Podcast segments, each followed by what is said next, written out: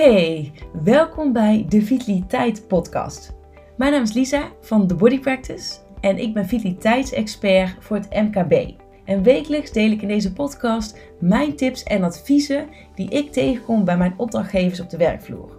En dan kun je denken aan thema's zoals voeding, eh, lichaamsbeweging, stress en werkdruk, slaap en nog veel meer. Soms doe ik dit alleen en soms met een gast. Ik wens je heel veel luisterplezier. Je gaat zo uh, luisteren naar uh, deel 2 van het interview met Sebastiaan Verlinde. Um, je hebt als goed een paar dagen geleden deel 1 geluisterd. En nu is het vervolg van het interview waarin we dus gaan hebben over ja, waar hij ziet dat ja, ook een rol speelt in, um, in relatie tot werkdruk. Dat is het onderwijs. We gaan het hebben over een stukje ja, flexibiliteit in combinatie met vitaliteit. En hoe je dat als werkgever kan inzetten om jouw medewerkers eigenlijk aan je te binden. Dus niet alleen om medewerkers binnen te halen, maar ook zeker voor een stukje binding, wat in deze arbeidsmarkt natuurlijk wel heel erg welkom is. Uh, en we gaan ook veel meer andere topics behandelen. En Sebastian gaat echt onwijs veel praktische tips weer geven. Dus wederom uh, wens ik je heel veel luisterplezier. En ik hoop dat het weer uh, heel waardevol voor je gaat zijn. Een ander, ander thema waar ik weet wat bijvoorbeeld waar vitaliteit in relatie tot werkdruk wel echt, echt al heel lang klassiek een ding is. Dat is het onderwijs. Ja. en en uh, ik denk dat veel mensen die buiten het onderwijs staan, die, die zullen daar soms wel uh, nou, dit thema minder serieus nemen, hè, werkdruk. Want die zeggen van ja, kijk, mensen binnen het onderwijs die hebben toch uh, twintig weken per jaar vakantie, et cetera. We kennen ze allemaal wel. Ja. Um, goed, waar het natuurlijk om gaat, is leraren tekorten. veel te hoge uh, werkdruk, uh, dat is gewoon keihard onderzoek. Uh, dus dat is niet iets wat, wat, ja, wat eigenlijk ter discussie staat. of je nou, nou zomervakanties hebt die langer duren of niet. Die werkdruk daar is te hoog. Nou, er wordt ook wel veel gepraat over het verhogen van de salarissen hè, van, van leraren in basisonderwijs, maar ook wel op, op andere sectoren. En ik denk dan altijd, laat zeggen als mens, maar ook als arbeidsrechtadvocaat, denk ik, ja, Kijk, salarisverhoging is, is mooi, hè? dat willen we, eh, zeker in tijden van inflatie, uh, willen we dat allemaal wel. Maar als ik nou meer salaris heb, verlaagt dat dan mijn werkdruk? En ik zou geneigd zijn om te zeggen nee. En dat, dat vind ik dan wat anders als dat de school meer budget krijgt hè, vanuit de overheid om mensen aan te nemen. Bijvoorbeeld assistenten uh, voor een klas, de, of, of meer docenten, dat vind ik wat anders. Ja. Maar gewoon puur sec de vraag, verlaagt nou een, loon, een loonsverhoging mijn, mijn werkdruk? Uh, nee, dat, ik, zou, ik zou durven zeggen van niet. Hè? En in vitaliteit voel ik me nou beter aan het einde van de dag als ik weer heb overgewerkt, maar ik hou meer geld over? Uh, nee, ik denk het niet. Dus ook, ook daar in het onderwijs denk ik dat er nog veel te winnen is. En dat hoeft dan niet, eigenlijk niet, ik denk niet, niet eens geld te kosten. Er is veel te winnen op het gebied van vitaliteit en mensen ja, door iets anders dan een financiële prikkel uh, ja, aan je binden en, en, en lokken om, om leraar te worden. Want ik zou ook denken, hè, ik heb, ik heb nou ja, het over gehad, maar voordat ik advocaat werd, heb ik een studie Frans gedaan met, met het idee, nou, ik wil wel universitair docent worden. Hmm. Nou, dat is me uiteindelijk niet geworden. Uh, want op dat moment was er helemaal geen vraag naar, naar, naar uh, uh, docenten. Maar wat mij wel opviel was die werkdruk was echt enorm. Het was, het is wel ruim tien jaar geleden, maar het was toen nog heel erg een, een, een, een zittend beroep. En ja, mensen misten, de, de, ja, misten flexibiliteit en, en mogelijkheden om ja, eigenlijk veranderingen aan, aan te brengen. Hè. Die kregen gewoon een aantal onder, werkbelasting. En daar moesten ze het mee doen ik heb niet het idee dat dat eigenlijk sindsdien veranderd is. En de discussie is eigenlijk nog steeds hetzelfde. Hè? Geef ons meer, meer geld, uh, misschien loonsverhoging. Maar ik mis daarin heel erg. Het echte probleem is, is werkdruk. Dan kun je volgens mij twee dingen doen. Je kan die werkdruk uh, verlichten. Maar je kan ook inzien um, dat je iets aan de, privé, aan de privé kan doen. En is mensen meer ruimte geven voor een privéleven. Uh, ja, dat, gewoon heel concreet daar hebben we het al over gehad. Hè? Als de kinderopvang uh, is belt van je moet, je moet ze ophalen, dat dat geen probleem is. Die uur hoef je niet in te halen.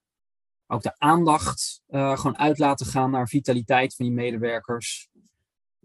Ja, ik denk dat het op dit moment nog enorme kans is in sectoren als het onderwijs, maar ook in andere sectoren, om, ja, om mensen binnen te halen en ze langer te houden, ze, ze langer gezond te houden ook.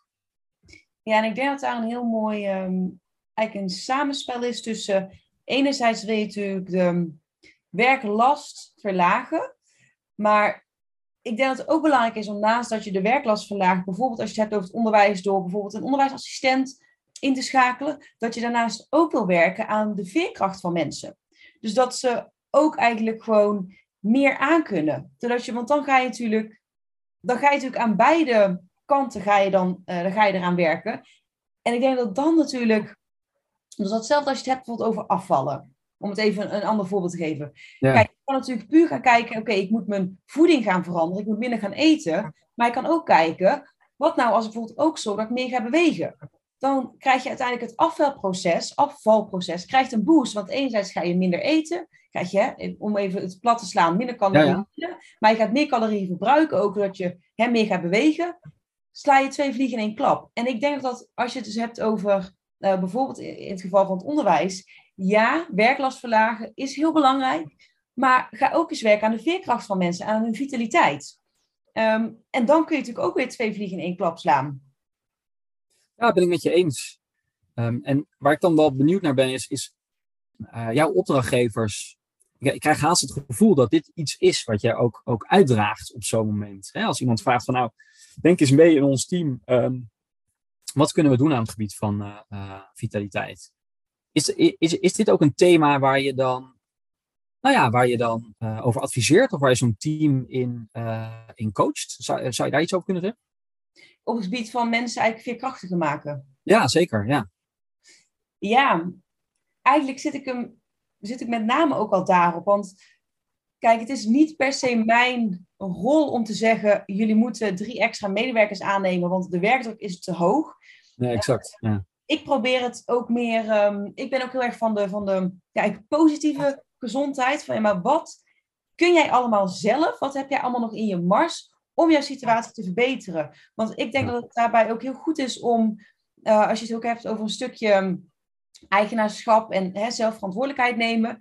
Uh, je wil mensen eigenlijk ook zoveel mogelijk aanreiken zodat zij ook voor zichzelf goed kunnen zorgen. En dat, heeft natuurlijk, dat komt ten gunste van hoe zij hun werk natuurlijk uh, uitvoeren. Maar ook hoe lekker zij zelf in hun vel zitten. En het blijkt wel uit onderzoek dat als mensen goed in hun vel zitten, gezond zijn, dat ze dan ook gelukkig zijn op het werk. Dus ook beter werk verrichten, langer bij hun werkgever blijven. Ja, eh, enorm. Uh, ik zet mijn, mijn, mijn coaching en mijn training ook altijd heel erg in van in eerste instantie een stukje kennis. Als je het bijvoorbeeld hebt over stress, van oké, wat gebeurt er nou in het lichaam als je kijkt bijvoorbeeld naar het zenuwstelsel, uh, de balans tussen je parasympathische en je sympathische zenuwstelsel, wat in principe je uh, fight and flight modus is, versus je rest and digest. Dat ja. moet ja, zijn.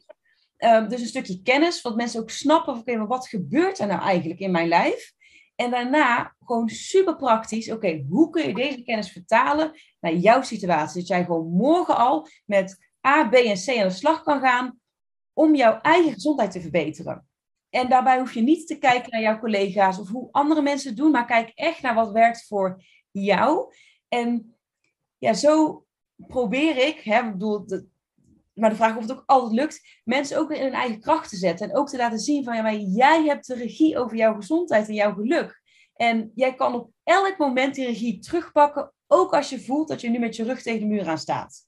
Dus ja, ik weet niet of dat een beetje antwoord geeft op je vraag, maar ik probeer dat juist wel heel erg op die manier eigenlijk aan te vliegen en te sturen. En tuurlijk kan ik ook wel zeggen van, goh jongens, ik kan wel iedereen soort van leren tussen aanhalingstekens hoe ze beter voor zichzelf moeten zorgen. Maar kijk ook wel eens even of gewoon het team op dit moment wel goed in elkaar zit. En of het niet gewoon, dat je niet gewoon in plaats van vijf mensen in het team eigenlijk zeven nodig hebt. Want anders is het gewoon dweilen met de kraan open natuurlijk. Ja, ja.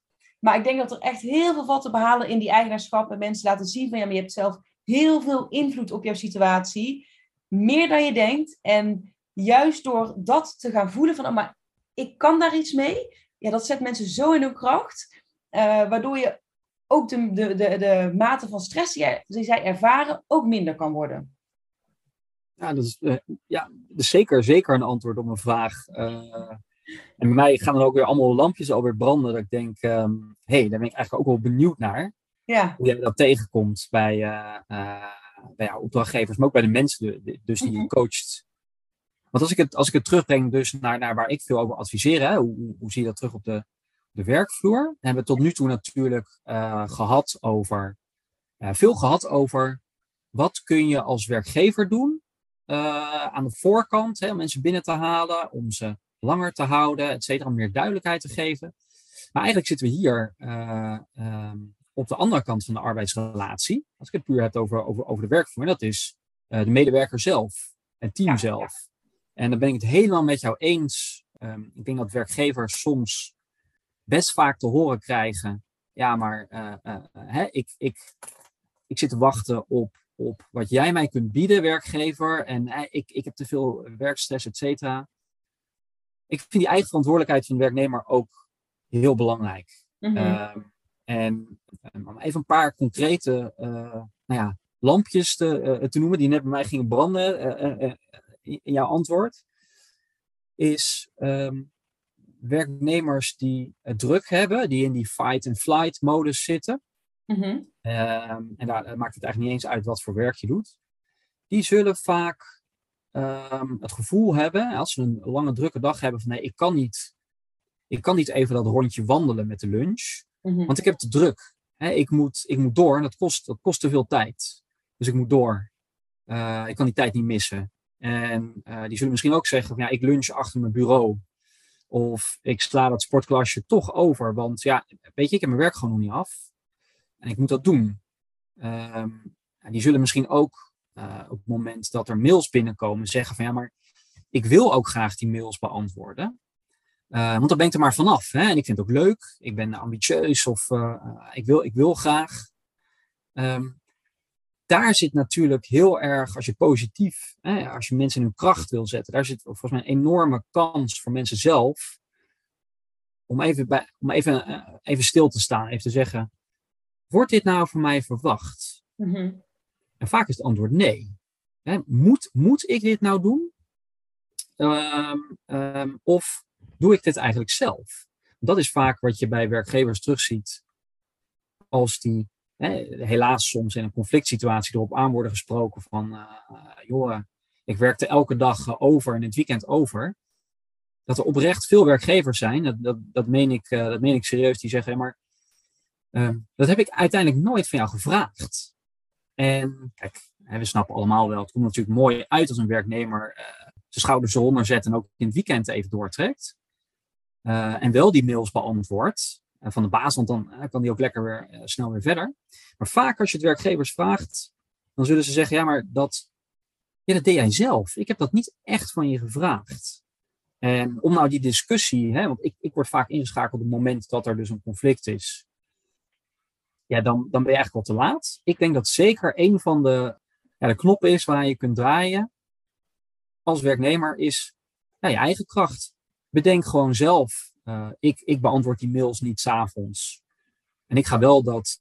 Desnoods ga je even uh, uh, bellen. Hè, zet je je koptelefoon op en dan doe je die call. Die doe je even lopend. Of je gaat met je collega's met de lunch. Ga je gewoon even lopen. En ik denk dat als je daar zelf je eigen verantwoordelijkheid in neemt. Dan heb je eigenlijk, om het een beetje onaardig te zeggen, dan heb je helemaal het vitaliteitsbeleid. Als dat er nog niet is, heb je dat niet nodig, want dan maak je dat zelf. En ja, denk ja. nog uh, één ding wat ik, wat ik zie wat heel belangrijk is, om dat goed te laten lopen, is, kijk, als jij natuurlijk altijd binnen drie minuten reageert als werknemer en, en, en gewoon de hele dag beschikbaar bent, en je wil dat veranderen, dan zullen in het begin misschien mensen zeggen van, hé, hey, maar, maar waar, waar, waar, zit je? Hè? En die, die, die sturen je nog drie berichten van, je reageert niet. Ja, wees daar, doe aan verwachtingsmanagement. Dat is sowieso altijd een hele goede.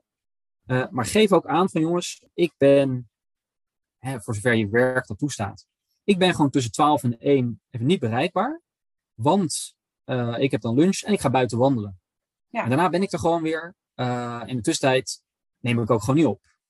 En hetzelfde met berichten s'avonds. Als je die opeens niet meer beantwoordt, dan, dan krijg je misschien wat onbegrip. Maar uh, ik ken genoeg mensen die ook zeggen, joh, weet je, um, ik zet op een gegeven moment mijn out of office erop. Of ik klok uit En dat betekent ook echt dat ik er niet ben. Over een uur ben ik er weer wel. Ja. Ehm, ja, en je zult eigenlijk vrijwel altijd zien dat als je dat van tevoren heel duidelijk aangeeft, dan vinden mensen dat prima. Mhm. Want die weten waar jij zit. Eh, ja, die weten dat ze je over een uur weer kunnen bereiken. ja, heel veel winst valt te behalen met verwachtingsmanagement. En er gaat ook heel veel mis doordat mensen dus bepaalde verwachtingen hebben en dat niet uitspreken. Ehm, en precies wat jij zegt, op het moment dat jij natuurlijk iets gaat veranderen in jouw gedrag, tuurlijk gaat dat, gaat dat wellicht weerstand ehm, oproepen bij de ander. En ga je daar, ehm, nou ja, niet per se misschien commentaar, maar feedback op krijgen. Ja, Ja. dat is logisch, want mensen zijn iets gewend bij jou en jij doet het ineens anders. En dat is een positieve of negatieve zin, gaat mensen dat opvallen. Maar ja, als je nou het gewoon aan verwachtingsmanagement doet en gewoon uit, uitlegt, ik maak deze keuzes om deze deze reden, terwijl je, je bent in principe niemand natuurlijk die die uitleg per se verschuldigt, maar het zal het wat makkelijker maken. Maar ik denk als je, dat, als je dat al doet, dan valt daar zelf al zoveel winst te behalen. Ja, dat denk ik ook. Iets, iets, en een laatste lampje wat nog ging branden is, ehm, Ja, zeg het eens. je noemde, nou, ik weet even niet welke woorden je gebruikte, maar je noemde op een gegeven moment mensen die nou ja, niet lekker in hun vel zaten. En toen moest ik denken aan, kijk, je hebt natuurlijk de, eh, de, ja, wat zeggen, de positieve kant, de positieve prikkels van, van vitaliteit. Ja. Die ik, laten we zeggen, vertaald naar de werkvloer terugzie in hè, eh, eh, eigen verantwoordelijkheid van de werknemers, waar we het net over hadden. Ehm, bevorder dat als, als werkgever. Eh, draag je beleid, beleid uit, maak beleid. Maak er ruimte voor, voor, voor, voor werk-privébalans. maar daar is ook een tegenhanger. Wat mag jij van je werknemers verwachten? Hè? En dat is, dat is misschien een minder populair thema. Daar begonnen we eigenlijk mee. Mhm. De verplichtingen Ja, op het gebied van vitaliteit hè, voor een werknemer. Nou, en, en wat bedoel ik daar nou mee? Je kan je er iets bij voorstellen dat werkgevers moeite hebben met werknemers die steeds eh, ziek uitvallen. Nou, en, en, vaak, vaak kan je daar niks aan doen als werkgever. Eh, ehm, heel vaak wordt er nadruk gelegd op, ja, hè, jij moet je werknemers eh, ruimte geven, je moet ze ondersteunen als ze ziek zijn. Maar wat mag je verwachten van mensen? Mag je verwachten, mag je misschien zelfs met ze afspreken dat ze vitaal blijven? Ja, en dat is denk ik een veel uitdagender thema eh, voor het arbeidsrecht. Ik denk wel dat je, eh, dat je daar iets in kunt doen als werkgever. En volgens mij zit dat op een, op een, eh, begrip, dat, dat, noemen arbeidsrecht specialisten en HR noemt dat gewoon goed werknemerschap. Mhm. Want een heleboel wat we nu hebben, eh, over hebben gehad, kan je misschien al onder het goed werkgeverschap eh, eh, scharen. Maar dit is goed werknemerschap. Mag van jou worden verwacht dat jij, dat jij je gezondheid een beetje op peil houdt? Antwoord is gewoon ja. Mhm. En vroeger, dus laten we even zeggen 20 jaar geleden of 25 jaar geleden, toen roken op de werkvloer, hè, roken in de trein, in het vliegtuig nog heel normaal was. Ja. Toen ontstond op een gegeven moment wel, moet ik dan eh, wel bekennen, dat heb ik van, eh, van dingen lezen, niet dat ik toen al eh, bezig was. Maar dat waren dan prikkels voor mensen om te stoppen met roken. Hè. Dus werd gezegd van, nou, ik, ik betaal voor jou, werknemer, ik betaal voor jou die cursus stoppen met roken. Of je krijgt, wat je ook wel eens leest, als je stopt met roken, hè, of mensen die niet roken, die krijgen drie vakantiedagen extra. Mhm. Nou, je snapt de achtergrond daarvan. Ja. Ehm, en ehm, ehm, dat zit denk ik, dat is nog een soort van positieve prikkel. Maar het hangt wel samen met, mag je nou van iemand verwachten dat hij, eh, een beetje vervelend gezegd, dat hij niet te zwaar wordt, hè? Dat, hij, dat hij alleen maar zit achter zijn bureau, eh, nooit sport, eigenlijk slechtere conditie krijgt en daardoor sneller uitvalt. Ik denk dat je wel, wel degelijk als werkgever daarin iets mag eh, verwachten. De vraag is alleen wel, hoe, hoe bereik je dat bij mensen? Nou, en ik denk, de positieve prikkels, die hebben we net allemaal al, al besproken. Hè? Ik denk andersom ook, kun je het weer hebben over verwachtingen. En dat, dat kun je zeker weer kwijt in je personeelshandboek. Ik zou het niet in een vacaturetekst doen. Hè? Wij verwachten ook van jou dat je, eh, dat je vitaal blijft en dat je blijft bootcampen.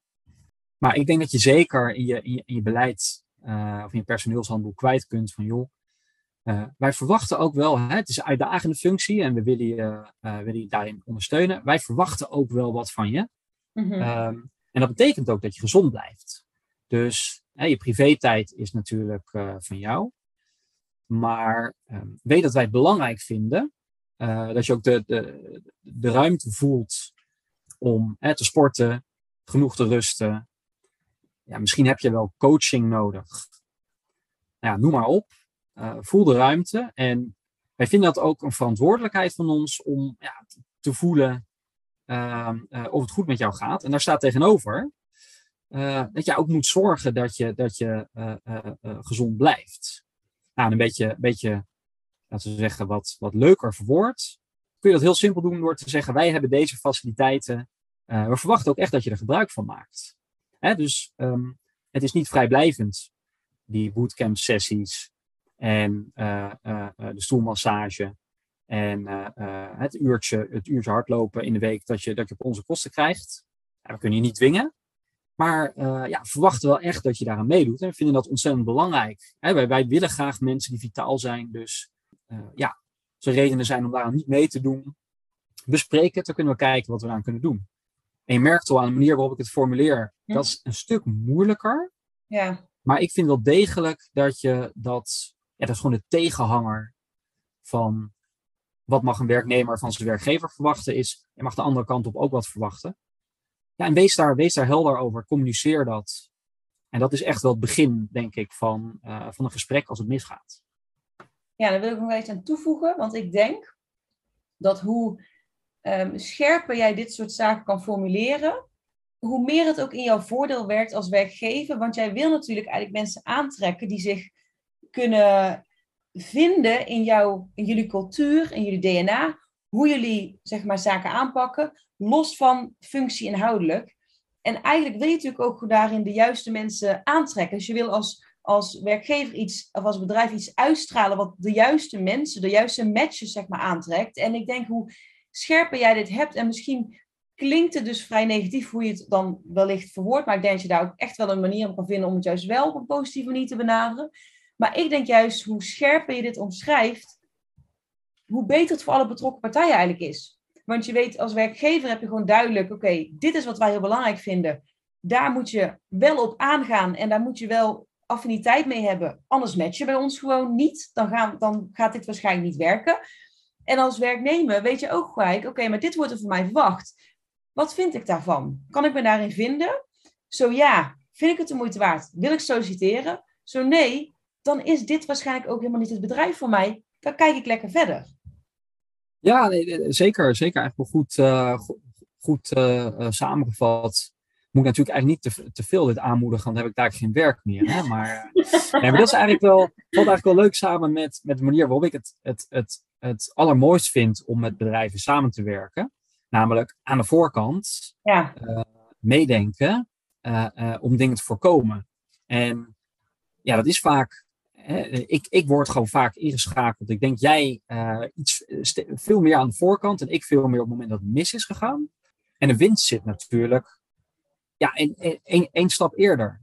En ja, ik, ik, ik denk enorm dat je, dat je, als je daarover communiceert, ook de verantwoordelijkheid van de, van de werknemer. En mhm. dat kun je dan uh, op een positieve manier verwoorden. Dat je dat veel beter kunt uitspreken uh, dus niet alleen van hè, wij verwachten van jou dat je, het, het, het is een heel standaard uh, bepaling over overuren. Wij verwachten van jou dat je uh, binnen redelijke grenzen overuren verricht op het moment dat de werkgever dat nodig heeft. En by the way, je krijgt er niet voor betaald. Die zie je heel vaak. Nou, die stel ik ook heel vaak op. Nou, die, die wordt bijna altijd gepikt door werknemers. Die denken, nou, dat is blijkbaar part of the deal. Ja. Maar waarom zou je daar nou niet de vitaliteits component van maken. Je zegt van joh, wij hebben, wij hebben uh, vitaliteit vinden we heel belangrijk. We hebben er ook een aantal uh, regelingen voor. Dus bijvoorbeeld dat sportklasje, maar ook de tijd die je uh, mag gebruiken en de tijd van de baas. ga je lunch wandelen. En we verwachten ook van jou dat je daarvan gebruik maakt. Mm Ja, en ik, ik, ik zou dat zeker, zeker aandurven om dat op te nemen in een personeelshandboek. Of, of in een regeling. En dat zie je nog bijna nooit. En ik denk dat dat ehm, twee effecten kan hebben. Eén is gewoon duidelijke communicatie over wat je verwacht van de werknemer. En dat zal dus gewoon, denk altijd een positief effect hebben. Mhm. En het tweede is, mm, dat is een beetje vanuit risico geredeneerd. Ja, als het dan toch misgaat, dan kun je ook een werknemer ergens op aanspreken. Veel makkelijker dan als je dacht van, hé, dat spreekt toch voor zich. En ik, ik denk dus dat het een win-win is voor de werkgever en voor de werknemer. Ja, dus waarom zou je het niet doen? Ik denk dat het een hele mooie is om ermee af te sluiten. Een soort van laatste advies waar wij het volgens mij allebei heel erg over eens zijn. En wellicht ook wel, wel stof tot nadenken voor, ehm, ehm, voor werkgevers die hier nu naar luisteren, naar deze podcast. Maar ja, goh, waarom zou ik het eigenlijk niet omschrijven? Want het heeft duidelijk ook voordelen. En als je het omschrijft, denk er eens over na. Oké, wat ten eerste zet het je aan om na te denken, wat vinden wij dus belangrijk? Ja, en hoe zou dat dus op een positieve manier kunnen verwoorden? En ga daarover gewoon in gesprek met elkaar. Ja, zeker. En, en ehm, ik denk dat ook dan nog een hele leuke rol is weggelegd voor, uh, uh, voor jou. Want eerder in het gesprek noemde je, hè, werkgevers, leg nou niet van boven, bovenaf op wat je denkt dat werknemers nodig hebben. Maar jij zit heel erg in, in wat je mij hebt verteld, nou, empowerment eigenlijk van teams zelf. Hè? Je kan het noemen eigen verantwoordelijkheid, maar ook eigen kracht. Ja. ja haal, haal bij die mensen op. Misschien, misschien uh, in een sessie uh, van jou ook. Maar haal op wat ze nodig hebben. En uh, dan heb je niet alleen draagkracht, of draagvlak moet ik zeggen. Mm -hmm. maar dan weet je ook wat mensen graag willen. En dan kun je het ook met, ik denk, zonder al te veel problemen kun je het dan van mensen verwachten. Want ze hebben het tenslotte zelf bedacht. Ja, nou, ik kan het niet meer met, meer met jou eens zijn. Ja, dit is het. voor nu. Hey, Sebastian, ik wil je echt onwijs bedanken voor dit ja, toffe gesprek. Het blijft wel, we hebben natuurlijk heel veel met elkaar te bespreken. En um, elke keer popte er wel weer iets nieuws op. Uh, waar ik jou wel heel graag nog even de ruimte voor wil geven is op het moment dat mensen, of het nou HR is of nu naar een werkgever die luistert, uh, denkt, oh, maar ik heb ik loop ergens tegenaan of ik heb een bepaalde vraag en ik wil heel graag met Sebastian in contact komen. Waar kunnen luisteraars jou vinden? Ja, dat is een hele, hele, hele goede vraag. Uh, een simpel antwoord. Uh, wij hebben natuurlijk een. Uh, ik werk als arbeidsrechtadvocaat werk ik bij Works Advocaten met een X. En we hebben gewoon een website. Als je zoekt op, op Works Advocaten en dan zoek je naar mij. er is maar één Sebastiaan bij ons ja, dan kun je daar gewoon uh, e-mail en telefoonnummer vinden. En dat is denk ik het makkelijkste. Ik heb ook LinkedIn, maar uh, ik denk e-mail is wel het makkelijkst. Of even bellen. want ja, ik vind het alleen maar ontzettend leuk om ja, niet alleen in de, laten we zeggen, in de conflictensfeer en in, in, in, in, in dat soort dingen te zitten. Maar juist ook als een werkgever zegt, dat vind ik eigenlijk heel leuk. Nou, denk nou eens één stap eerder met ons mee. En uh, nou, je zegt dat nou wel, maar je bent advocaat, dus hè, dan moeten we het ook wel goed op kunnen schrijven. Mm ja, ontzettend leuk om daarover mee te denken. Dus uh, ja, jouw luisteraars kunnen mij zeker, zeker erover bereiken. Super. Nou, jij, jij ook dank, dank Lisa voor de uitnodiging. Ontzettend leuk. Het gevoel dat we nog niet zijn uitgepraat, maar we zijn er al best lang bezig. Dus goed, goed om het hierbij te laten, denk ik voor nu. Nee, ik, ik, voel wel, ik voel wel een vervolg aankomen. Ja, ja, nou ja, dus bij deze lief luisteraar een uitnodiging om niet alleen met Sebastian contact te nemen als er een conflict is, maar juist ook een stap daarvoor. Want dat kan ook mega waardevol zijn uh, en heel veel voorkomen. En is ook gewoon heel leuk om op die manier er al uh, mee bezig te zijn. Ik ga sowieso, zoals jullie van mij gewend zijn, ook alle linkjes in de show notes zetten. Dus hè, Sebastian, je hebt net van alles benoemd, maar hè, mensen kunnen het ook gewoon in de show notes vinden. Dus uh, ga ik de website opnemen, link naar je, naar je LinkedIn profiel. Dus dat komt helemaal goed. Um, super.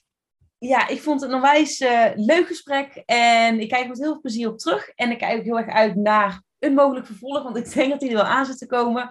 En um, ja, voor nu uh, heel erg bedankt. En hopelijk tot uh, de volgende keer. Ja, zeker. Jij ook. dankjewel, Lisa.